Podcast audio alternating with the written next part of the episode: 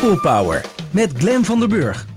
Corona stortte ons in een collectieve cultuurshock. Wat is de impact hiervan op ons werkende leven? Werkritmes liggen al maanden volledig overhoop en worden geconfronteerd met onzekerheid, crisisbeslissingen en de noodzaak tot aanpassen en veranderen. Daar waren we natuurlijk al heel druk mee bezig, want daar begint bijna elk managementboek tegenwoordig mee. Maar ja, dit eh, heeft de boel wel even helemaal op zijn kop gezet.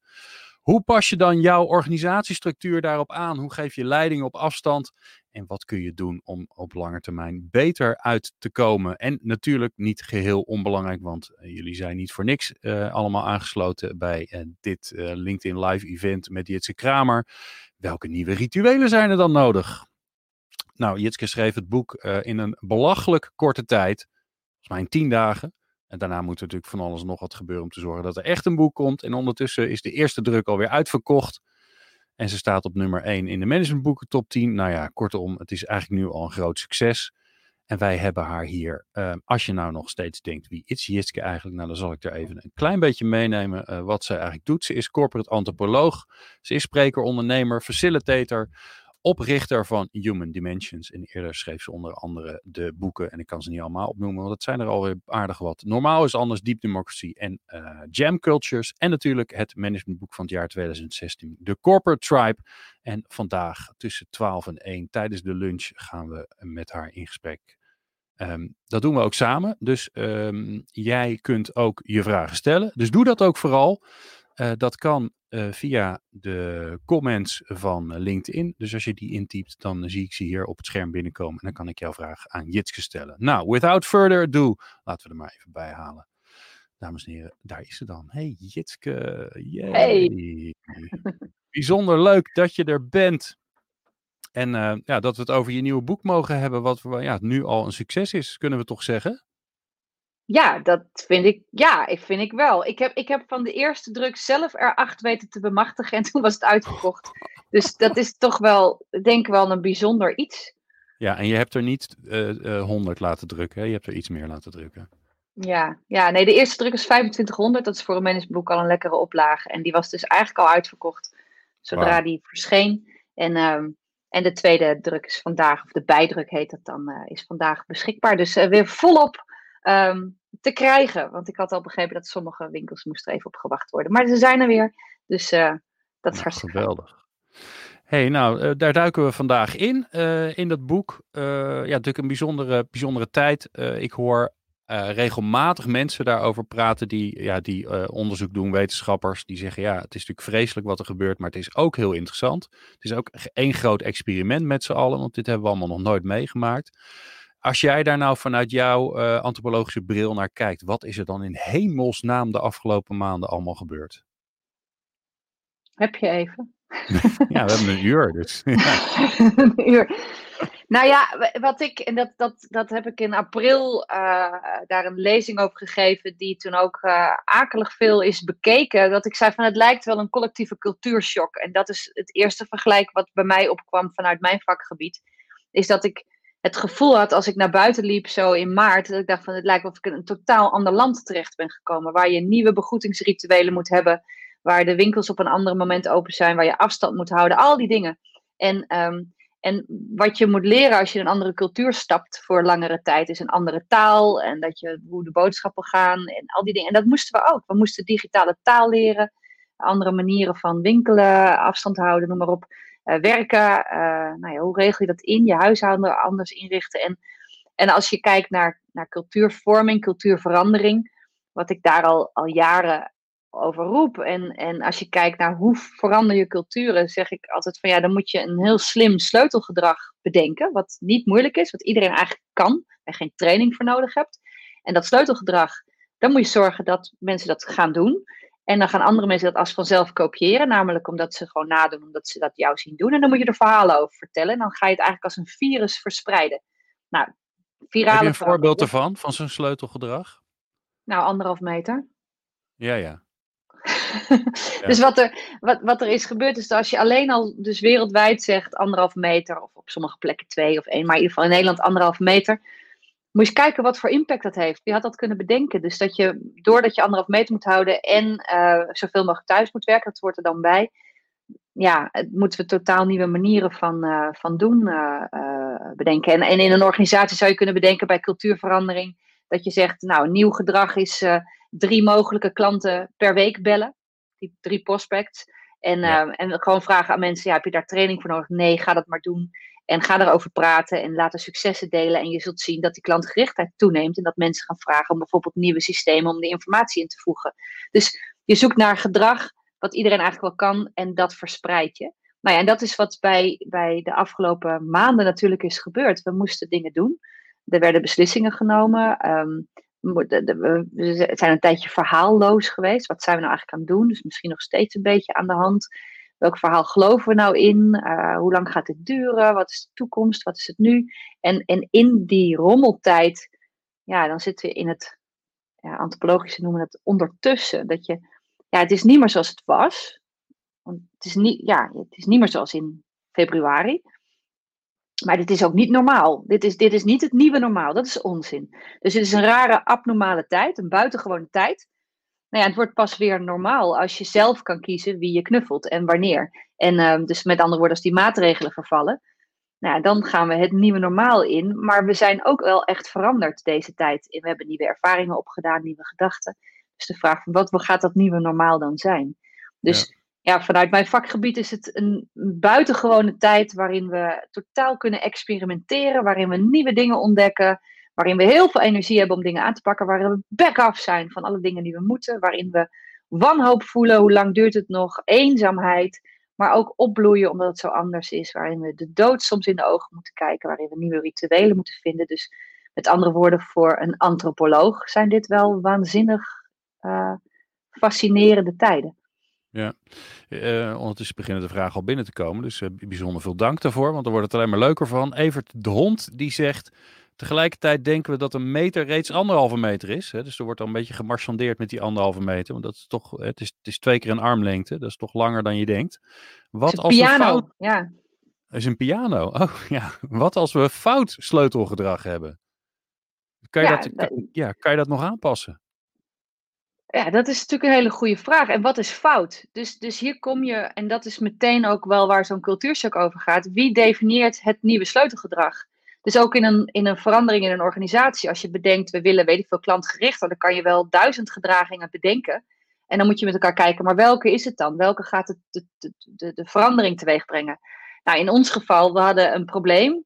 In ons geval bedoel ik corona, we hadden een probleem. Uh, uh, virus verspreidt zich, we weten niet zo goed waardoor. Daar zijn natuurlijk vreselijk veel experts en, en, en verhalen over. En op een gegeven moment moet iemand dan een klap erop geven, dit is het.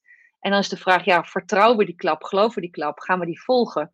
En dan zit je meteen eigenlijk in de kern van cultuurvorming. Mensen vormen culturen in interactie en besluitvorming. Waarbij meteen de vraag is, wie mag aan welke interactie meedoen? Dat is een diversiteitsvraag, een inclusievraag. Daar gaat mijn boek Jam Cultures over. Om vervolgens te kijken, maar wie mag dan wat beslissen? En vertrouwen we die beslissing? Is dat diep democratisch? Is dat autocratisch? Nou, en als je dan kijkt in een crisis, dan, nou ja, wat onze regering ook de hele tijd zei met de kennis, ja, met, met wat was het, 50% van de kennis, 100% van de beslissing, of wat was ook weer het gezegde?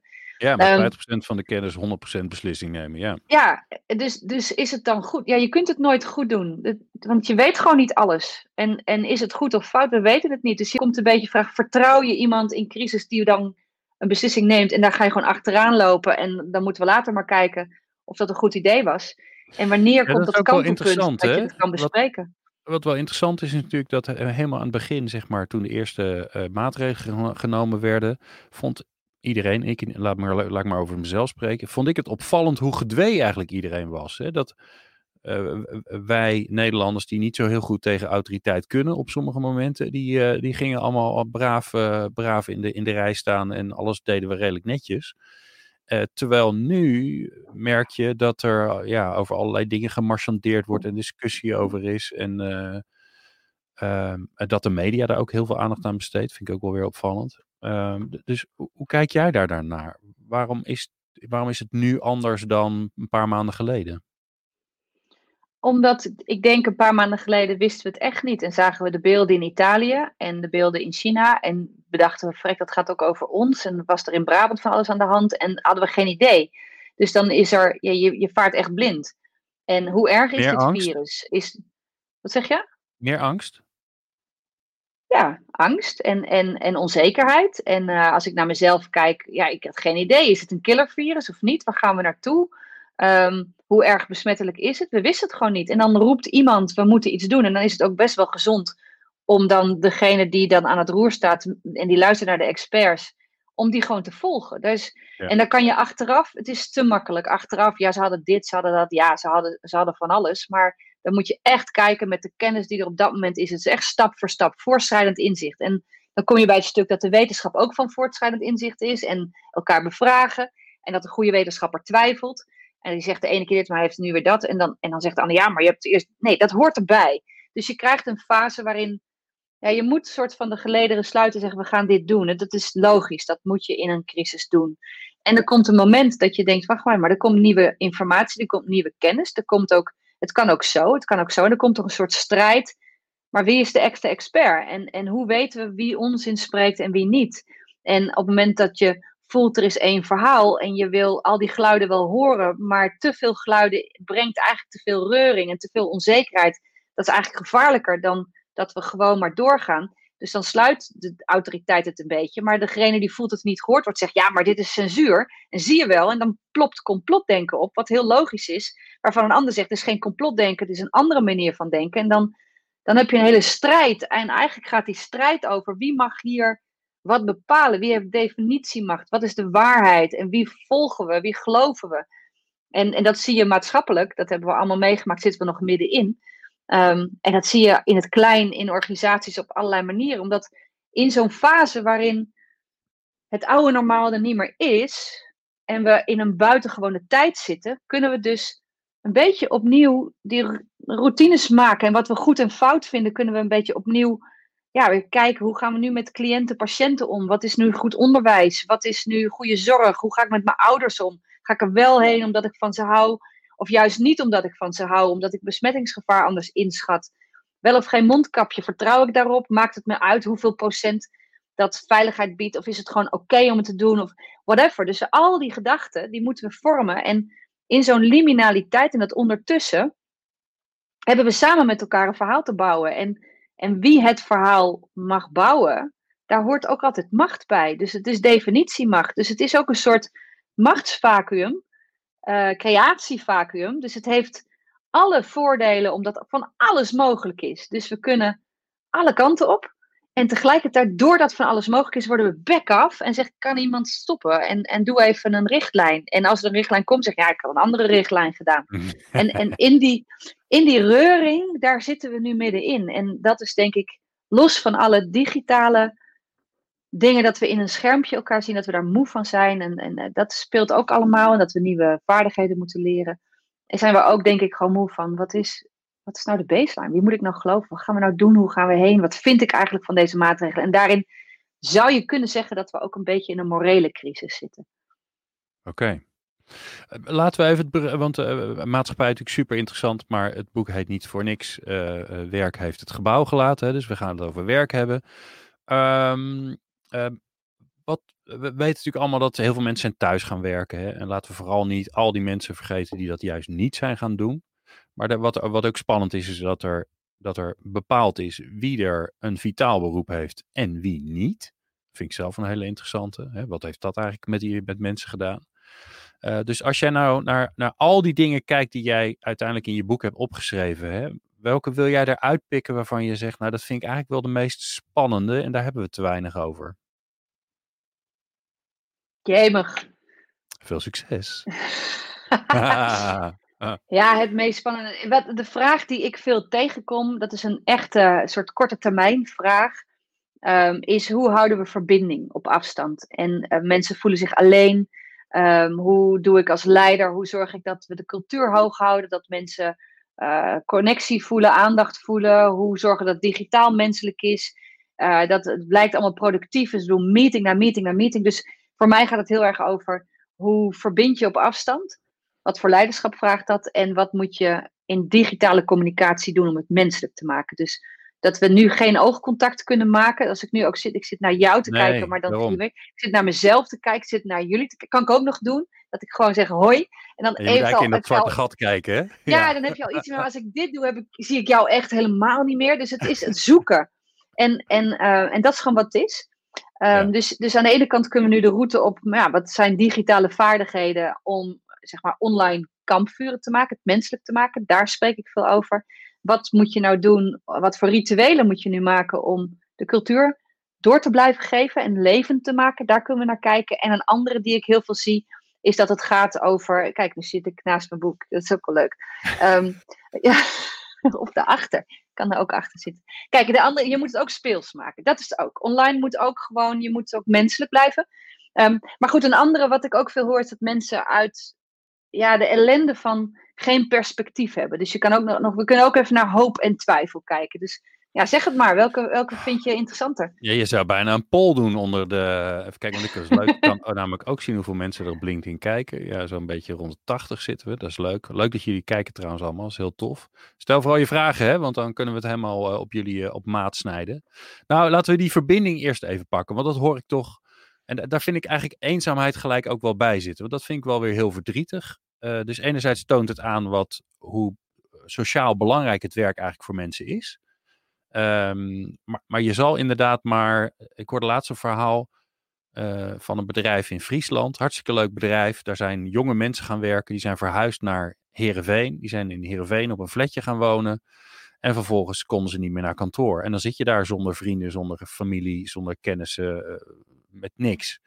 Op je flatje. En je mag nergens heen. Nou, hoe ga je dan toch voor verbinding zorgen, Jitske? Ja, nou ja, allereerst is het de erkenning, het is gewoon niet leuk. Dus, dus uh, uh, en ik denk dat dat, dus je kunt niet alles sugarcoaten. Dus je kunt, dus sommige dingen blijven gewoon niet leuk. Dus je kunt dan online ieder zijn eigen recept en met elkaar gaan eten. Je kunt online Spotify-lijsten delen en daar toch een beetje op gaan dansen. Maar we weten allemaal, het is toch een beetje anders dan een echte verjaardagspartij. Dus dat is gewoon wat het is. En um, als je kijkt naar organisaties, dus wat kan je wel doen? Wat ik, ik haal dan wel inspiratie uit hoe normaal de volkeren dat doen. Dus je kunt, en, en bedrijven die 100% remote werken. En als ik bij dat laatste begin, dus bedrijven die 100% remote werken, dus op afstand werken, vaak internationale bedrijven. Daarin zie je dat ze een paar uur per week in werktijd beschikbaar tijd hebben voor, ik noem dat wel rommeltijd. Dus als je op kantoor bent, dan heb je je efficiënte, productieve momenten en daartussendoor haal je koffie. Dus als je als jij nu naar kantoor gaat, wat is het eerste wat je doet? Koffie. Koffie. En, dat is, en niet omdat die koffie zo lekker is vaak. Ja. Dus, dus je kletst. Je gaat kletsen, je gaat koffie. Hoe was je weekend? En in dat kletsen en koffie heb je relatie. Nou, als je al die minuten bij elkaar optelt en dan heb je vergadering en dan loop je nog even het gang en je zegt, hey, hoi, en je, oh trouwens dat project nog en je hoort even zo'n dingetje en je hebt van die toevallige ontmoetingen die een nieuwe gedachte geeft. Dat maakt, dat is wat we missen. Dus ik hoor mensen zeggen, ik, ik, mis nu de koffie. Nee, je mist niet koffie drinken. Je mist, eigenlijk moet je zeggen tegen collega's, ik mis jou. Ja. Ik mis de relatie. En Ja. als je dat mist, dan moet je daarop gaan faciliteren. En ehm, dus die, die bedrijven die 100% remote werken, die hebben dat al in hun bedrijfsstructuur en in hun vergaderingen zitten. Is dat je een paar uur per week gewoon ja, rommeltijd hebt met collega's. En dat is in werk, dus een pubquiz, maar niet s'avonds om acht uur. Gewoon in werktijd. Ja. Omdat je daar iets te doen hebt. En dus dat vraagt dat je het informele moet formaliseren, structureren. En dat kan je op allerlei manieren doen. Ehm, en, en dat is op een gegeven Doe moment er eens creatief. één, want daar, daar, ik, er worden uh, Mout Verheij, die zegt ja, graag de verbinding. En Sanne Jordans, wat mijn geliefde is overigens, eh, die wil ook, oh ja, op afstand verbonden zijn. Die, die zit daar ook enorm mee. Eh, Ja. eh, dus dus mensen willen ook gewoon, wat, moet ik gaan, wat kan ik doen? En uitproberen. Nou, het leuke is, is, ik heb dit boek natuurlijk geschreven met heel veel mensen op LinkedIn. Dus mogelijk zitten nu ook mensen te luisteren die daar een bijdrage aan hebben geleverd. Dus ik heb dus wat vragen gesteld. En die zitten, ik heb ze gewoon op, ik zit er gewoon hierin, in, in tips. Wat kan je dan doen? En eentje wat ik gewoon heel mooi vond, is een CEO die zegt: Ik heb twee uur per week eh, zit ik in een Teams meeting met een, een linkje en daar kan je gewoon in. En, ehm, oh, en iedereen die dat wil. Ja, maar die heeft zijn, daar staat zijn deur zeg maar open. En, eh, en de hele organisatie heeft zijn linkje, dus die kan twee uur per week. En ja, hij zegt, soms komt er één binnen, twee, soms opeens vijftig. En dan heeft hij gewoon alle tijd. En wat dan het resultaat is, is dat die twee uur per week zo'n open deur gebeuren. Daar gebeuren allemaal nieuwe dingen die er eerst niet waren. Omdat er allerlei mensen die niet op hetzelfde gebouw zaten, normaal nooit kwamen of niet durfden. Maar dat wordt een soort ding. Dus dat vind ik een hele mooie manier van, ja, gooi de deuren open. Een andere vorm van verbinding vond ik een, een leider die zei van, ik, zij houdt erg van poëzie. En in maart, dat raakte ze, emotioneel mens. Van, ik ben gewoon elke week een gedicht gaan kiezen. En dat ben ik gaan delen met mijn mensen. En daar mijn eigen bespiegeling over de week. Dus ze zegt, ik doe nu management by poetry. Wat ik op zich al zo poëtisch mooi vind. Dat, uh, dus het is dat soort dingen. Een buddy bingo vond ik ook geweldig. Dus dat je elke week uh, uh, een bingo, een soort van bingo doet. Of dat noemen ze buddy bingo. En dan, dan wordt er iemand uitgekozen waarin je, geloof nou, bijvoorbeeld twee weken de tijd hebt om daar iets leuks mee te gaan doen. Binnen de maatregelen. Maar als het wat ruimer is, ga ermee wandelen of ga naar een museum. Um, ook bedrijven die een soort... Een... Oh ja, sorry, ik zit dwars door je heen. Doe jij eerst, ik heb ook nog een leuke. Nou, bedrijven die bijvoorbeeld zeggen van je kunt een uh, budget winnen. Dus dan moet je iets, een, soort, nou ja, moet je iets voor doen. En dan, dan oh, een serieus bedrag, 200 euro of zo. En met daarmee moest je dan verplicht met een collega iets leuks gaan doen. Maar daar had je ook budget om iets leuks te gaan doen. Dus het is allerlei manieren. Ik denk het voornaamste is, is dat we, dat we hebben een soort reflex om te gaan beeldbellen. En dat we het eigenlijk, de oude kantoorgewoonte, klappen we om naar beeldbellen. Maar we vergeten dat we ook brieven kunnen sturen, kaartjes, dat we nog steeds elkaar op straat kunnen tegenkomen, ook op anderhalve meter. Dat je met een team aan een grote picknicktafel aan het strand kan zitten. En dat je, nou ja, je moet natuurlijk even kijken met je vervoer, dus dat je dat allemaal fietsafstand mogelijk doet, of dat je belt. Um, dat je chat, dat je allerlei apps gebruikt. En dat we opnieuw dus onze digitale communicatie, wat je zou kunnen zeggen, daar hebben we geen cultuur op. Dus we moeten daar etiketten en normeringen en type activiteiten bij bedenken. Maar zie je, ehm, dat dan veel, zie je dat veel gebeuren dat er toch te veel gezegd wordt, oh, dit deden we fysiek en nu gaan we dat digitaal doen. En, en ja, dat zijn twee andere werelden. Dus wat in de fysieke wereld werkt, of misschien al niet eens echt werkte. Ik had laatst een klant die zei, ja, we gaan uh, vergaderen drie uur lang. zei, nou, dat gaan we helemaal niet doen, want dat, uh, dat werkt al, uh, fysiek al voor een meter. Maar dan kunnen de mensen niet wegrennen. En nu kunnen ze gewoon zeggen, oh ja, sorry, nee, mijn wifi viel eruit. En dan gaan ze wat anders doen. Maar zie je dat veel gebeuren? Dat het toch ja, een beetje te makkelijk wordt gezegd, we gaan hetzelfde doen, maar dan zetten we allemaal onze camera aan en gaan we in onze joggingbroek achter de, achter de camera zitten. Ja, ik zie dat, dat hoor ik veel. Uh, en dat je de vergaderingen gewoon doorzet. Dus inderdaad beeldbellend een uur, twee, drie uur. Um, uh, dus, en, en wat er dan nog bij komt, dan blijkt het nog efficiënter dan eerst te zijn. Uh, dus productiever. Dus er worden eerst eerder meer beeldbergvergaderingen dan vroeger. En bovendien is het makkelijker om iemand snel even uit te nodigen. Dus ik merk bijvoorbeeld zelf als ik intakes heb voor lezingen die ik veel geef, nu inmiddels online natuurlijk, maar Vroeger had ik altijd met één iemand bellend en nu bijna altijd met een comité beeldbellend.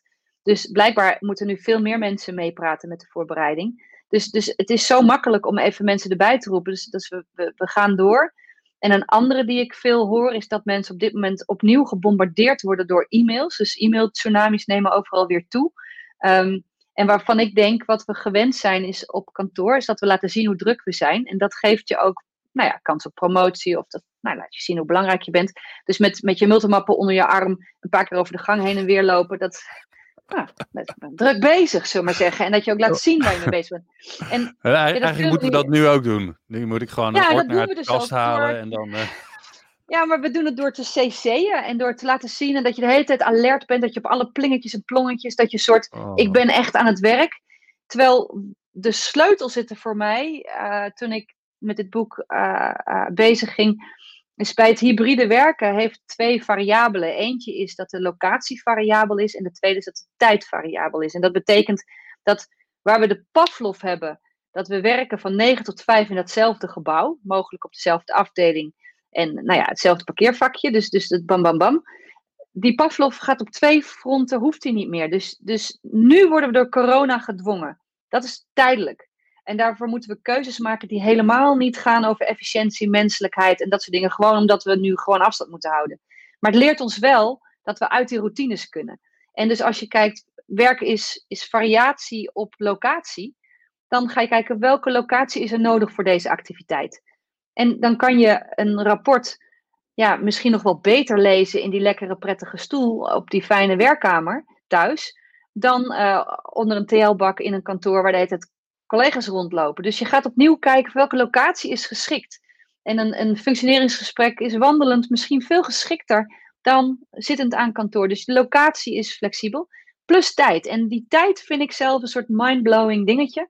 En een aantal mensen kennen dit al, al heel lang. Maar het verschil tussen synchroon en asynchroon werken is echt een belangrijk iets. Dus we zijn gewend, van 9 tot 5 werken we allemaal samen, synchroon. En we moeten samen een vergadering in. Maar als je kijkt per activiteit, op het moment dat je in een vergadering een presentatie houdt, waar je gewoon een half uurtje iets moet vertellen, dat is in principe hoeft dat geen synchrone activiteit te zijn. Nee, je kunt dat namelijk ook kan je opnemen. En dan zeg je nou, bekijk het binnen een week en daarna hebben we een Q&A. En die kan eigenlijk heel goed online of zelfs over de chat. En dan pakken we hem op. En dan, nou ja, als je, als je elkaar weer zou mogen zien, zeg je, dan hebben we dan een brainstorm. Dat doen we dan op locatie. Maar dan heeft, hebben we die voordingen al gehad. Waardoor je dus, door je, doordat je asynchroon gaat denken, kan je, en dan ook nog de locatieprincipe, kan je op verschillende plekken tegelijkertijd zijn. Omdat je dingen hebt opgenomen. Um, je, het wordt dynamischer. En dat doen we nog eigenlijk niet. Dus dan doen we alsof we allemaal bam in die vergadering hoeven zitten. Maar dat hoeft eigenlijk niet. En bovendien klappen we dan die vergadering om, doen we back-to-back meetings, super efficiënt. Maar je bent back af en dat kopje koffie en dat even kletsen is opeens weg. En je hebt aan het eind heb je al die vergaderingen gehad en zo'n to-do-lijst. Want elk ding, en dan heb je het moe en dan ga je mail en dan, huh, en dan en lopen kinderen al binnen. En dan zit je daar in je kledingkast op een strijkplank te werken. Want dat zijn toch ook mensen die dat, die dat loodje ja, hebben getrokken. Ja, ja, dus, ja. dus dat, is, dat is niet te doen. En dan vragen mensen, maar ja, we zijn zo moe, wat moeten we doen? Nou, het eerste denk ik, ja, nou ja, ook het is niet moeilijk. Het is nee zeggen, het is herstructureren, het is bedenken online. Drie kwartier, nou dan heb je wel even pauze nodig, misschien een uur. En dan is het echt even kwartier, twintig minuten eraf. Ja, dus ga je agenda anders plannen. Regel reistijd tussen meetings, niet een mouseklik. Doe een echte goede check-in, dat je weet wie er zitten, dat je even contact maakt. En, en online vraagt dat je dat explicieter moet doen dan je gewend bent. En ja, het is, een andere manier van communiceren. Ja. Het, het, grappige is natuurlijk dat, dat eh, al die dingen die waren eigenlijk bij die fysieke vergadering of de, het fysieke werken waren die ook belangrijk. Alleen omdat we nu de, de schakeling maken naar zo'n plat scherm, wat natuurlijk, nou het helpt een beetje, maar het blijft onnatuurlijk, wordt het alleen maar versterkt. Hè? Want de vergaderingen waren natuurlijk al vreselijk en die duurden al te lang en je had er al te veel. En nu kopiëren we dat naar online en dan merk je gewoon aan alle kanten dat het nog veel meer gaat piepen en kraken.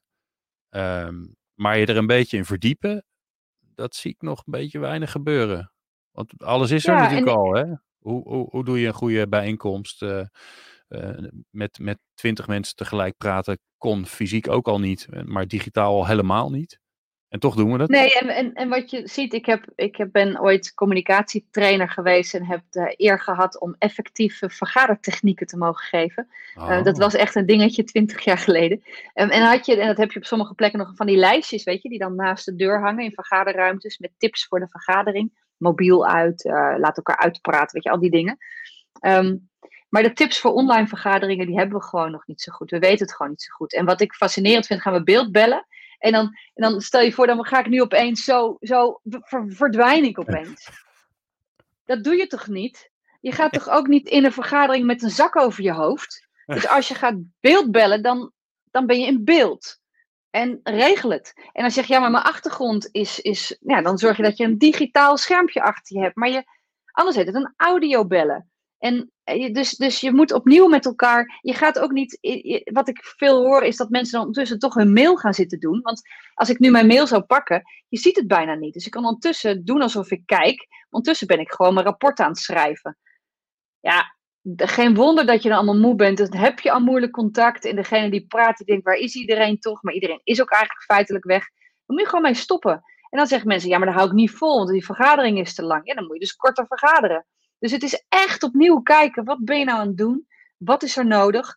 En dan heb je sommige vergaderingen dat je merkt van ja, het kan eigenlijk in 10 minuten, omdat we gewoon een aantal bullet points hebben. En soms denk je, ja, die bullet points kunnen eigenlijk gewoon ook op de app. We hebben die vergadering niet voor nodig, doen we dat. Dus je moet opnieuw kijken, wat is er nodig voor onze interactie? En, en ik denk dat het wat dat betreft heel simpel is, antropologisch gezien.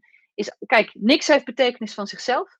We moeten er samen betekenis aan geven. Dus we bepalen wat vinden we belangrijk, wat vinden we mooi, wat vinden we lelijk, goed en fout. Dus als we dat belangrijk vinden, dan ga je vervolgens kijken welk gedrag hoort daarbij en welke procedures, welke gebouwen, met andere woorden welke apps, want dat zijn onze online gebouwen. Hoe ga je dat inregelen? Dus dan moet je terug naar, oké, wat is belangrijk in deze meeting? Wat is het doel? Hoeveel interactie is er nodig? Wie is er synchroon en asynchroon nodig? Waar, waar gaat het over? Welke tijd hebben we daarvoor nodig? Dus je moet opnieuw gewoon je communicatie inregelen en daar de culturele normeringen bij bepalen. En ik denk dat dat gewoon heel belangrijk is. Ja, dat is wel mooi. En dat, dat ligt een beetje in het verlengde van uh, de vraag die Frank wie, wie wel heeft uh, gesteld. Dat heeft hij braaf vooraf gedaan. Dat is heel fijn, want dan hebben we altijd een leuk voorraadje van met leuke vragen. hij zegt, beste Jitske, voor 2021 wordt erbij horen meer dan ooit het thema waar teams en leidinggevenden op zullen focussen. Nou, dat, dat vindt Frank in ieder geval. Dat horen we zo of jij dat ook vindt. stel je kijkt vooruit naar volgend jaar en je mag ergens meekijken. Wat hoop je dan dat ze doen om te zorgen dat mensen erbij horen? Ja, ik, mooi. Ik had de, vraag, zag ik gisteren ook. Uh, dankjewel uh, Frank voor die vraag. Ik, het thema erbij horen, dat kan. Dus ik denk, ik, zou dat vertalen in dat mensen zich eenzaam voelen. Dus hoe hou je die verbinding hoog? Ik denk dat hetzelfde thema gaat zijn, mag ik uh, vinden wat ik vind? Dus als de gebouwen straks weer open gaan, mogen we hopen dat ergens voor de zomer toch wel een keer wat versoepeling komt. of mogelijk alles weer open als vaccins en medicatie en noem maar op er zijn. Maar dan komt ook vanzelf de vraag, maar mag ik ook wat anders vinden? Dus uh, als in je organisatie de teneur nu is, uh, uh, nou ja, we missen samenwerken enorm, gebouwen gaan open, we rennen allemaal weer naar binnen. Maar als ik dan als collega denk, ja, maar ik vind het eigenlijk wel lekker, mag ik dat dan zeggen? Dus ik denk wat er aan gaat komen de, de komende tijd, is dat we worden uitgedaagd om de lessen die we hebben geleerd, de leuke en niet leuke, door te vertalen naar dat nieuwe normaal. En dat we dus eigenlijk, dan wordt het spannend, want dan hebben we geen COVID meer. Dan hebben we elkaar en moeten we kijken, oké, maar wat gaan we dan doen? En blijven we dan asynchroon werken? Gaan we de arbeidstijden verruimen? Mag je ochtends werken synchroon met elkaar een overlappende tijd en de een werkt s'nachts en de ander s ochtends vroeg? Mag dat dan? Kan dat dan? En wat vind ik daarvan? En op scholen zou je kunnen zeggen, nou ja, heb je hybride onderwijs? Wat mogen leerlingen thuiswerkdagen eisen? Hoe gaan we daar nou eigenlijk mee om? En ik denk dat dat dus heel veel in mijn woorden zijn dat jam-sessies vraagt. Heel veel manieren van al die perspectieven bij elkaar leggen, interactie creëren en dan vervolgens zeggen: oké, maar wat gaan we dan doen? Dus ik, dat denk ik dat, dat er moet gaan. Dus veel moedige gesprekken die je misschien nu soms al kan voeren, omdat je opnieuw gaat stollen hoe dat eruit gaat zien. En ja, dan kom je op vragen als, uh, als uh, Moet je dat nu al doen, Jitke? Moet je dat nu al doen? Moet je eigenlijk nu die gesprekken al... Hey, je gaf het eigenlijk net al aan met die vergaderingen. Moet je nu al met elkaar over hebben, hoe kunnen we het nou beter doen? Maar moet je ook nu die gesprekken al voeren van... Oké, straks mogen we weer naar kantoor of naar een andere plek waar we werken. En, en hoe gaat dat er dan uitzien? Ik, eh, ja, ik denk het wel. En uh, niet als je nog in crisis hangt. Dus waar gewoon nog hard gerend moet worden, dan denk je, wat nou evaluatief? Ik ben bezig, weet je wel. Dus er is, een, er is een tijd voor alles. Maar ik denk dat op heel veel plekken mensen daar toe zijn aan die vragen. En, um, en nu al een beetje een blik kunnen voelen van ik wil dit niet kwijt of ik dat, wel, dat wel kwijt. En dit wil ik vasthouden. En, um, en dat vraagt moedige gesprekken. En als ik dan, maar een klein voorbeeld, gewoon in ieders eigen privé ik hoor veel mensen die zeggen wat lekker dat die sociale druk wat minder is. Dus de weekenden zijn relaxter. Ik heb meer tijd met de kinderen. We eten vaker samen. Uh, niet al die sportclubs, niet al die neefjes en nichtjes met verjaardagen. Gewoon, dus eigenlijk wel lekker zo. Nou, dat kan natuurlijk. Um, en dan is een beetje de vraag van als je dat echt vindt, dus je vindt dat belangrijk, welk gedrag hoort daar dan bij en welke procedures en, en interacties, dus met andere woorden, welke stolling van cultuur dan kan je nu natuurlijk al zeggen, als we dat zo belangrijk vinden, moeten we dan nog steeds ja, op zes sportclubs zitten met ons gezin? Of gaan we nu al kiezen? Of gaan we nu dan met de familie al hebben? Het valt zo lekker dat we niet al die verjaardagen hebben. We doen één verjaardagsdag per jaar, waardoor we het clusteren en we die druk minder voelen. Die gesprekken, die kan je natuurlijk op sommige dingen waar je het al weet, nu al voeren. En dat betekent, maar die zijn lastig, want daar hebben we, voelen we, ja, maar dat vindt niet iedereen. Nee, maar als straks de wereld weer open gaat, en dat is, als je bedenkt aan cultuurshock, antropologen noemen dat de terugkeershock. Dus je gaat, bent heel lang in het buitenland geweest, dan ga je terug naar huis en denk je zo, kom weer thuis, weet je wel. Maar je bent veranderd, dus het is niet kom weer thuis. Dus als straks alles weer kan, gaan we dan alles gewoon maar weer doen of niet? En ik denk dat we nu bij onszelf kunnen nagaan welke dingen we wezenlijk anders willen, dus wij, die we willen transformeren. En welke dingen we heel blij zijn dat het niet meer hoeft. Dus die hebben we als een soort crisistijd, een soort houtje-touwtje oplossing. En dan gaan we weer naar hoe het was. En ja, sommige dingen kan je niet voorspellen, dus die zullen we gewoon tegen gaan komen. En een aantal dingen kan je nu zeggen, nou, dat willen we wel houden. Ik, ik sprak bijvoorbeeld iemand in de zorg die zei van we zijn zo bang dat we weer opgeslokt gaan worden door het regelsysteem. Ik vind dat een, een hele afschuwelijke enge zin.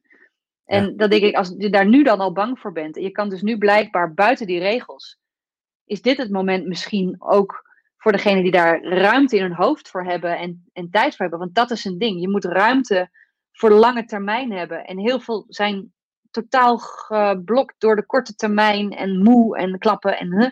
Maar dan moet je perspectief pakken en zeggen: Oké, wat gaan we dan in de komende maand naar kijken? En wie voelt zich daar fit voor om dat te gaan doen? En dat gesprek aan, maar je voelt al bij regeldruk in de zorg, voor het weet zit je aan tafel met de verzekeraar en met de politiek en met dingen. Maar ja, misschien als dus die stolling van die cultuur zoals ze die hadden bedacht niet klopt. En nu blijkt dat het anders kan.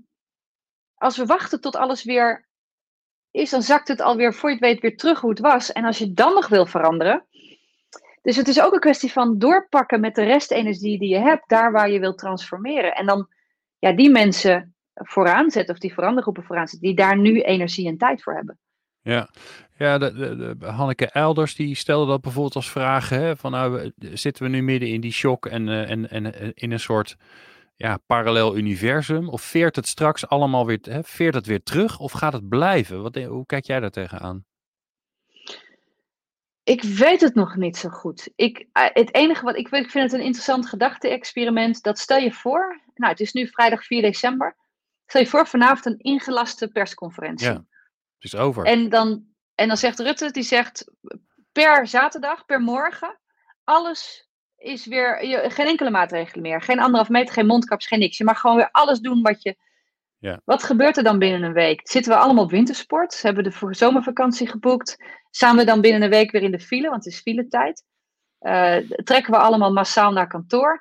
Um, of zeg je dan, nee, ik, ik, ik heb anders ben ik gaan nadenken over vliegen, want ik vind die blauwe luchten zo belangrijk. En uh, dus ik, ik, ik neem nu echt wezenlijk andere keuzes. Ik, ik heb gezien dat COVID ook te maken heeft met onze interactie met dieren. Dus nou, ik heb gewoon gekozen om minder vlees te eten. En blijf ik ook doen. Ook nu, weet je, dus, dus welke keuzes maak je en hoe sustainable zijn die? Hoe duurzaam zijn die? En ik denk dat een deel schiet terug, denk ik. Maar ik denk dat een deel ook niet terug. Ik, ik kan me voorstellen dat we allemaal in eerste instantie weer in die file terechtkomen. En dat we dan ook weer terugveren van, nou, dat ga ik gewoon niet meer doen. En dat heet cultuur, dat is de terugkeershock. En, daar kan ik, of, of mijn vergelijk gaat dan nat en dan denk ik, nou, dan geen idee. Of, en dat als het voortzet zoals zo'n terugkeershock gaat, is dat je een aantal dingen weer terugveert in het oude, je identiteit van het oude eigenlijk weer oppakt en gewoon weer de ochtendrush hebt, omdat iedereen weer op tijd ergens moet zijn en de stress hebt in de weekenden omdat de schema's net niet overlappen, al die dingen en de kantoren weer vollopen en je daar dezelfde grappen weer maakt met collega's. Dus, dus, dus dat. En dat er zo'n aantal heikele dingen zijn waarvan we zeggen dat, dat gaan we gewoon niet meer doen. En ik denk wel, en dat is een beetje de oproep die ik aan iedereen heb, dat je daar nu over na kan denken. Dus is deze tijd voor jou een crisis?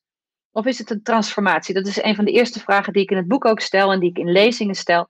Van als je deze tijd als crisis ziet, dan is het een soort vakantietijd, een parallel universum, wat Hanneke geloof ik zei, een soort ja, een parallele buitengewone tijd, waar je dingen een beetje anders doet, met wat voornemens, maar bam, je gaat weer terug. Of zeg je, het is een transformatietijd en dat oude normaal, waar ik naar verlang, waar ik heimwee naar heb, was op een aantal dingen niet normaal. Daar baal ik ook van, die wil ik ook anders. Ja, dan is dit wel een mooi moment om in zo'n ondertussen, waar heel veel mogelijk is, waar heel veel experimenteerruimte is, waar je fouten mag maken, waar je dingen mag uitproberen. Dat is dat is wat ik ook van veel mensen hoor, uniek aan deze tijd. Je kan allerlei dingen uitproberen.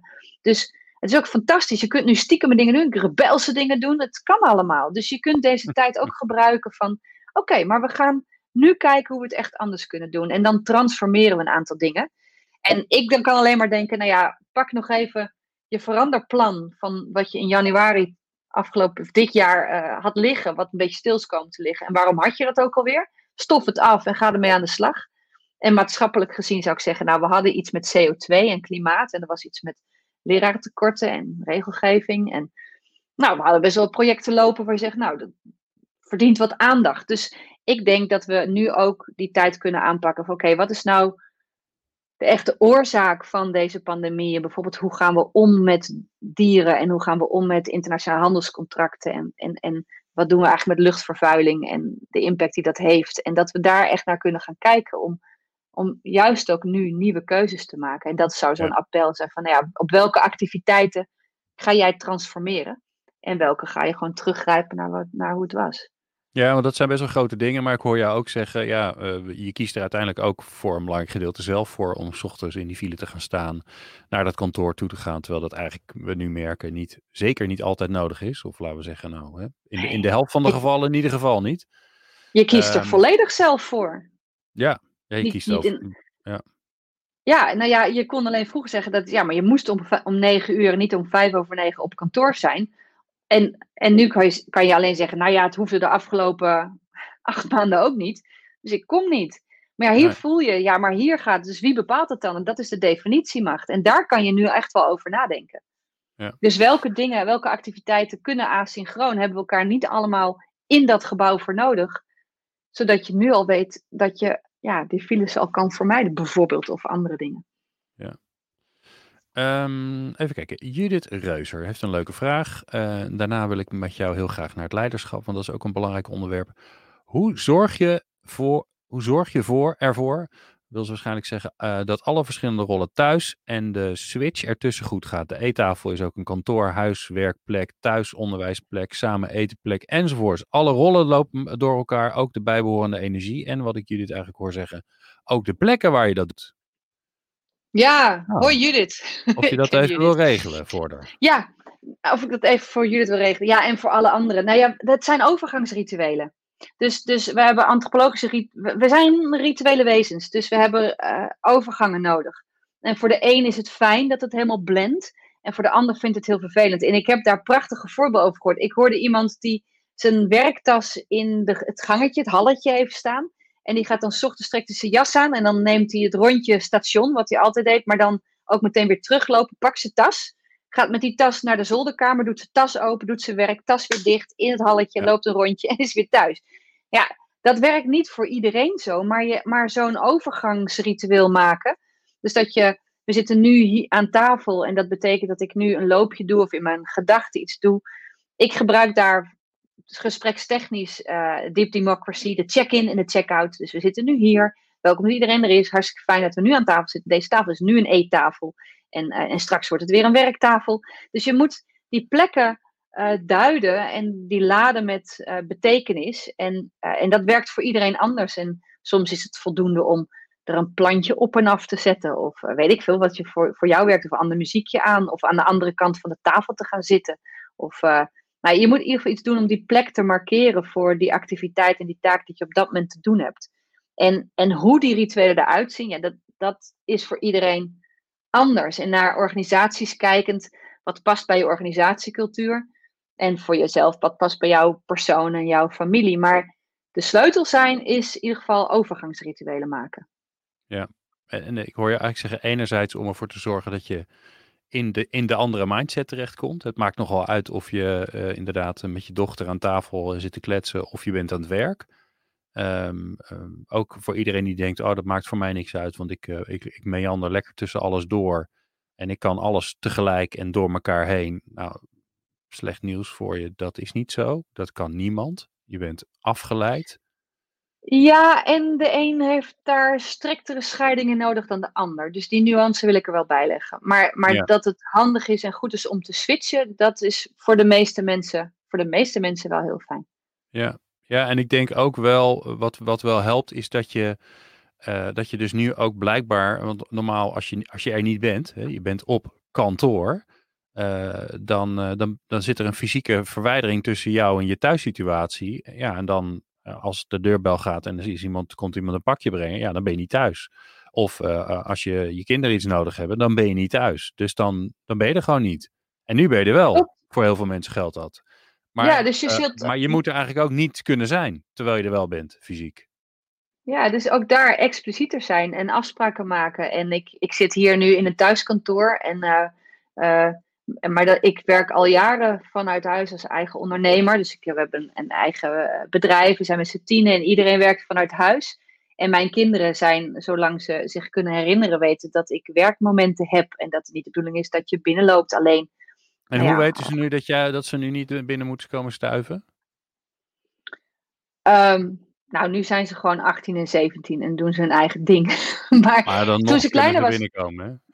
Nee, want dat, dat, dat hebben ze hun hele leven geleerd. Dus toen ze kleiner waren, je hoort nu mensen, ja, hangen een stoplicht Ja. op. Dat heb ik nooit gedaan, maar dat kan natuurlijk. Als het rood is, dan kom je niet naar binnen. En groen, ja, mag je gewoon naar binnen. En oranje liever niet. Ik heb met mijn kinderen, toen ik, als ik dan op locatie of iets was, dan zei ik, nee, wacht, als je me één keer belt, dan, eh, dan zie ik dat je belt. Maar dan, nou, kijk even, als je twee keer belt, is er echt aan de hand. En drie keer is crisis en neem ik altijd op, ongeacht waar ik ben. Nou, ja, dat is een interessante. Dus in dit geval was het dan, mochten ze niet binnenkomen. Ik was ook een keer op een podium live. En toen belde mijn zoon, was een jaar of twaalf, belde die drie keer. Dus ik nam live. Ik Oh zei, jongens, ik moet echt even opnemen. Sorry, het is crisis. Dus ik nam op en toen vroeg hij of hij een snoepje mocht. En toen zei ik, nou, er zijn nu 500 mensen die getuigen zijn dat ik zeg, even niet, maar is het echt crisis? En toen schaamde zich rot. En daarna was het wel duidelijk dat Ja, het signaal één, twee keer, drie keer bellen, dat, dat het echt iets is. Dus serieus. het vraagt gewoon communicatie. En dat je zegt van ik ben nu even dit aan het doen. Maar dat vraagt dus ook dat als je er wel weer bent, dat je daar ook weer echt bent. Dus, dus dat, Ja. dat je niet overal half bent. En dat is misschien wat jij net bedoelde. Mensen kunnen dingen niet tegelijkertijd. Ehm, ja, het, het, kijk, de voordelen van thuiswerken is gewoon ook in alle eerlijkheid. Je kan en een beetje je mail doen en nog een beetje wachten. Ondertussen vast de, de, de, de, de, de, de pasta in de, in de pan doen. En de wasmachine even aanzetten. En, ehm, en ondertussen je kind drie dingen helpen met huiswerk. En het is ook wel handig dat je thuis bent voor die pakjes, toch? Dus Ja. je kunt het ook weer allemaal mixen. En dat zijn ook heel veel mensen die zeggen: We hebben zoveel flexibiliteit nu. Die wil ik ook niet meer kwijt. Ik wil niet meer in dat keurslijf van 9 tot 5 met bijna een soort prikklok. Ik wil gewoon zelf kunnen bepalen waar ik, wanneer ik wat doe. En ja, daar is nu het gesprek voor nodig. En ook dat je weet, ja, sommige dingen moet je gewoon echt samen doen, dat ze effectiever zijn. Nee, ik zat in mijn hoofd met, eh, dat vond ik voor mezelf erg inzichtelijk. Een onderzoek wat ik uitgelezen heb waar, waaruit blijkt, en dan krijg je ineens een heel ander beeld op de werkelijkheid, dat het niet is, ik ben bezig met taak A en ik ga even taak B doen en dan ga ik weer naar taak A. Want van taak A naar B moet je een switch maken en die switch die kost ook energie en tijd en rekenkracht in je hoofd. En dus als je elke keer die switch erbij optelt en je kijkt hoe vaak je switcht van, van het een naar het ander, ja, dan, dan ben je gewoon veel meer energie kwijt. En dat, eh, als je een mailtje beantwoordt, is het niet zo erg. Maar als je midden in een stuk zit, of je moet een boek schrijven, zoals jij, dan is het toch wel handig dat je even de tijd hebt. hey, la- laten we Ja. naar eh, leiderschap gaan. Eh, want we hebben een leuke vraag binnengekregen van eh, Vivianne Figuurs. En die heeft jouw boek al, want die zegt op pagina 81 van je boek heb je het over twee. ja, dat, dat even blijven bladeren, snel erbij. Heb je het over twee soorten leiderschap. Je zegt dat het soort leiderschap van magiërs meer nodig is in deze tijden. Ja. Eh, waarom is dat? En ze zegt eigenlijk, waarom alleen nu? Want blijkbaar is ze fan van magiërs. ja, magiërs zijn altijd nodig. Dus dat is dus meteen de antwoord. Waarom alleen nu? Nee, niet alleen nu.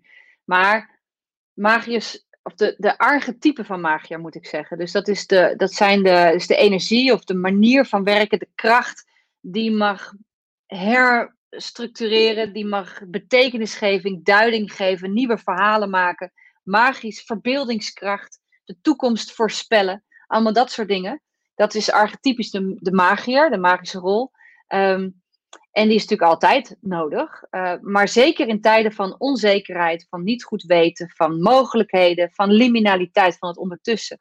En dat is bij uitstek een periode waarin magiërs nodig zijn.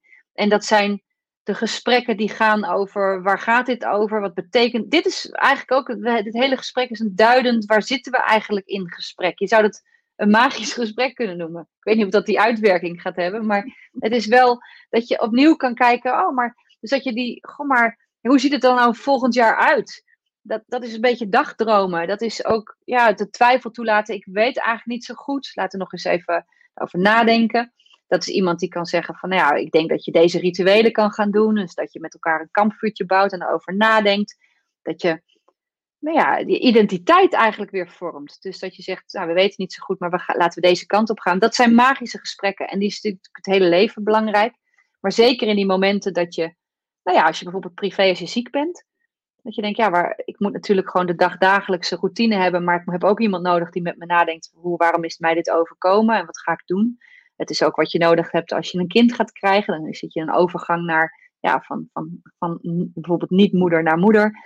Als je gaat trouwen, dan heb je allemaal rituelen van verkering naar verloving. En in al die dingen een soort magische tijd waarin je opnieuw gaat herijken hoe dat eruit gaat zien. En elk veranderproces vraagt dat er een, ja, een, een burgemeester is, een, een dagdagelijkse leiderschap, die gewoon zorgt dat de cadans van het leven doorgaat. En dat hebben we nu ook nodig. Er moet gewoon gegeten worden, er moet gedronken worden, er zijn cliënten, er zijn... dingen moeten gewoon doorgaan. Bam, bam, een soort basisritme, hartslag erin brengen.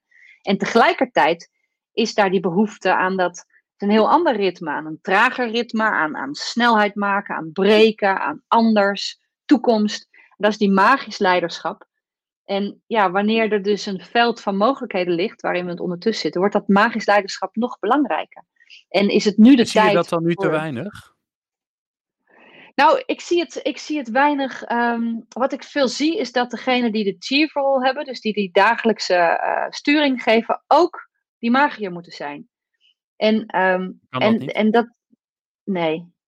Bij grote veranderingen, het kan, soms moet het. Dus dan moet je heel veel switchen maken. Maar het is gewoon heel vermoeiend. En, um, en het vraagt een ander uh, nadenken. Dus ik kom veel leiders tegen die hebben heel hard gewerkt. En überhaupt mensen, niet alleen leiders, teams, die hebben heel hard gewerkt. En zijn gewoon nu moe. Gewoon omdat je maandenlang dingen anders hebt gedaan, dingen hebt geknald, nieuwe manieren hebt verzonnen. En weet je, zo. En dan moeten we nu nog nadenken over de lange termijn. Of nu nog. Dus het, eh, wat ik veel zie is dat die rol niet goed geallockeerd is. Dus wie, wie draagt nu het veranderproces? En dat zijn mensen met een vrije rol. Bij HR zit als het goed is nogal wat magiërs verstopt. Um, dat zijn de consultants, zijn de externen, zijn de coaches. En wat ik daar ook veel zie, is dat er mensen die magische dingen kunnen doen als verbeeldingskracht en brainstormen en innovatietrajecten, die zijn wat onthand omdat hun magie doet het niet. Dus hun koffertje met geeltjes en stiften is online minder krachtig. Dus ik zie ook wel veel mensen die een beetje onthand zijn met, maar hoe doe ik dat verhaal nu vertellen? Dus als ik kijk naar, naar sprekers of mijn eigen vakgebied, dat heeft ook een soort magische rol dat je met een zaal mee gaat kijken en ze meeneemt in een ander idee of een vraagstuk. Ja, en dan moet opeens online. En hoe ga je nou online diezelfde vibe krijgen? Dus ook de magiërs zou je kunnen zeggen, die mensen die verandering kunnen brengen, die moeten ook nieuwe manieren vinden. Hoe doe je dan rituelen? Hoe, hoe, hoe markeer je succes? En hoe kijk je terug met verdriet? Kijk alleen al naar onze, gewoon maatschappelijk weer onze begrafenissen. Hoe doe je dat? Hoe ben je, iemand zei het heel mooi op een gegeven moment, een begrafenis waar je met een te klein groepje staat om dat grote verdriet te kunnen dragen. Ja, mooier kan ik het niet zeggen, weet je. Dus je moet opnieuw bedenken, maar hoe, hoe draagt dit ritueel dan de familie en de nabestaanden? En, en, en hoe doen we dat met elkaar? En zo heb je in de organisatie, hoe vieren we nu de jaarcijfers? Of, of hoe gaan we om met het verdriet? Of met de um, verlies wat we hebben gehad? Of de doden die zijn gevallen in verpleeghuizen? Hoe, hoe regelen we dat nou met elkaar? Dus ook de magiërs die er zijn, eh, die moeten nieuwe manieren vinden om dat ook digitaal en online te kunnen doen. En dat is gewoon een zoektocht. Ik voel een soort uh, tweede, tweede boek. Uh, je moet weer even tien dagen blokken in je agenda. De online magier. Handboek de online voor de magier. online magier. Jeetje, Glenn, wat, wat ga je nou voor ideeën in mijn hoofd planten? Ja, ik ga het niet schrijven. Succes. Nou, tien dagen. Dat moet kunnen, ja. toch? Iedereen zit nee, erop te nee, wachten. Dat... Ja, nee, maar... Dit, nou, we vragen het dit... gewoon even aan, het, uh, aan de mensen thuis. Uh, aan de 80 die aan het kijken zijn. Wat vinden jullie ervan? Moet er een, een, een online magier handboek voor de online magier komen? En moet dat dan, nou, voor het einde van het jaar vind ik wat te snel misschien. Maar eind januari moet het toch wel klaar kunnen zijn. Hè? Ja, alles gaat sneller tegenwoordig. Alles gaat sneller. Nee, maar nee, het is wel, ben, even, hè, maar het is wel irritant dat jij dit natuurlijk hebt gedaan. Hè? Want ik had een maand geleden Jeroen Buescher. Nou, die had het in 30 dagen geschreven. Vond ik al redelijk gestoord. Nou, dit is nog gekker. Um, dus ja, het, is, het is bol.com die morgen iets aflevert. Ja, de hele, jij gaat nu ineens de hele contentwereld veranderen omdat mensen toch gaan hebben van ja, weet je, ik heb een onderwerp en uh, ja, of je er even over twee weken uh, een nieuw boek of weet ik. Ja, oh, er zegt al, Oh, kijk, ja hoor, hier gaan we. Annemarie Eleveld. Ja, ik bestel alvast. Martine Smeets. Ja, heel graag. Nou, oké. Okay. Online, online onderzoek wijst uit dat er uh, ruimte is voor zo'n boek. En is twee. ja, nee, maar weet je, lieve mensen, Annemarie en wie was het nog meer? Anne, oh, ja, oh, en, en Brigitte, die komt nu ook. Ja, graag. Breng en... magie in ons leven. Martine.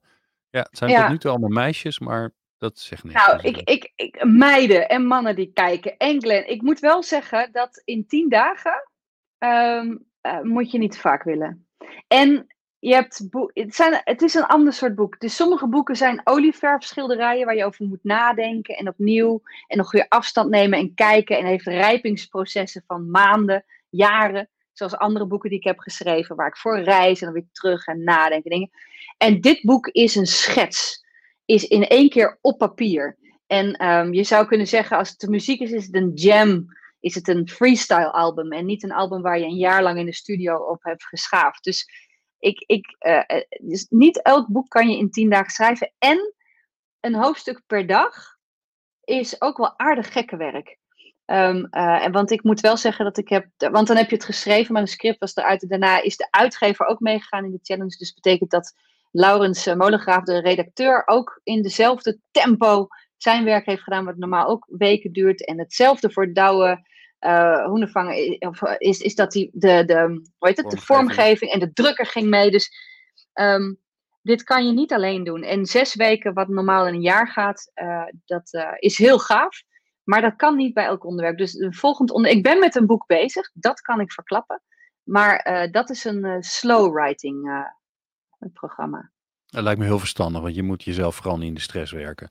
Oh, uh, Judith Reuzer zegt, een blog kan ook. Dus die, uh, er wordt al gemarchandeerd met wat het moet zijn. Dank je, Judith. Dankjewel, Judith. Heel goed. Ja. Um, nou, en misschien zal ik er even, even dan toch in dit boek staan al dingen die de online magier kan gebruiken. Kijk, heel goed. Heel goed, heel goed. Ja. Ja, nou, iedereen is heel blij, want Sandra Hofman die zegt een ruwe schets brengt de mooiste inzichten. Dus iedereen is heel blij met je. Uh, ik ook. Uh, nog drie minuten betekent dat ik je nog één vraag ga stellen. En die vraag um, is morgen, is vandaag vrijdag hè, maandag wordt iedereen weer wakker. Want ik ben toch altijd wel voor het heilige weekend. Maandag wordt iedereen weer wakker. Wat vind jij dat ze in ieder geval moeten doen om te zorgen dat hun, hun werk, wat het gebouw heeft verlaten, een stuk leuker is geworden? Eén ding. Lekker concreet. Ja, maar ik ben van de contrasten. Mag het één ding zijn met twee kanten? Ja, tuurlijk. Twijfelen. Meer twijfelen. Niet vertwijfelen, maar twijfelen. Vragen stellen. Stilte opzoeken. Twijfelen. En perspectief pakken. En, dat, en kijk eens wat je. Pak, een, pak iets waarvan jij energie krijgt. Waarvan in jouw organisatie het toevoegt aan de kernactiviteit van jouw organisatie. Plak daar een deadline aan die haalbaar is, maar wel uitdagend bijvoorbeeld in tien dagen een boek. Of iets anders in tien dagen of een maand. Maar iets waarvan je voelt, oeh, hier moeten we echt wel de, de, de slof op zetten. Maar waarvan je wel voelt, maar het kan wel. En go for it. Dus, dus zorg dat je de twijfel toelaat, dat je vragen durft stellen bij waar je zit. Dat je, ik weet het eigenlijk ook niet, daar momenten van, van tijd op pakt. En tegelijkertijd, ja, pak je perspectief. Creëer hoop. Geen valse hoop, maar echte hoop. En hoop, echte hoop is gestoeld in een realiteit die wat dergelijk mogelijk zou kunnen worden. Dus waar hoop jij op en, en go for it. Ga het realiseren, want dat is ook wat deze tijd is. Mooi. Ik vind het heel mooi. Dus er komen allemaal nog vragen binnen. Uh, bijzonder dank ervoor, want dat heeft het alleen maar leuker gemaakt. Um, ik wil jou heel erg bedanken, Jitske, voor je tijd. Uh, want ik ben ook voor het feit dat de tijd allemaal weer anders is. Maar dit is nou eenmaal live en dan moet je ook op tijd stoppen. Want iedereen die heeft zitten kijken, uh, die moet ook nog even een rammetje. Misschien hebben ze dat wat tijdens gedaan, dat weet ik eigenlijk goed. Um, onwijs leuk dat jullie uh, hebben gekeken uh, naar dit uur. Uh, ik ben in ieder geval van plan, want voor mij was dit zeg maar de challenge van de afgelopen tijd. LinkedIn Live was nieuw, uitproberen. Um, dus we hebben hem al met Jeroen Busje gedaan. Uh, afgelopen maandag was ik zelf uh, het haarsje. vandaag Jiske. wie zouden jullie willen horen? Laat het even weten in de comments. als je denkt, goh, dit moet beter, leuker. we moeten jou minder zien, Jitske meer. Laat het ook weten. Dan kan ik daar misschien wat aan doen. Je weet het maar nooit. En dan maken we het beter. En dan denk ik dat we dit zo'n beetje één keer in de maand gaan doen. Als je nou uh, denkt, uh, ik wil nog veel meer horen, bijvoorbeeld van Jitske, en dan kan dat. Dan kun je hier beneden, moet ik even goed wijzen. Zo, ja, dat valt nog niet mee trouwens.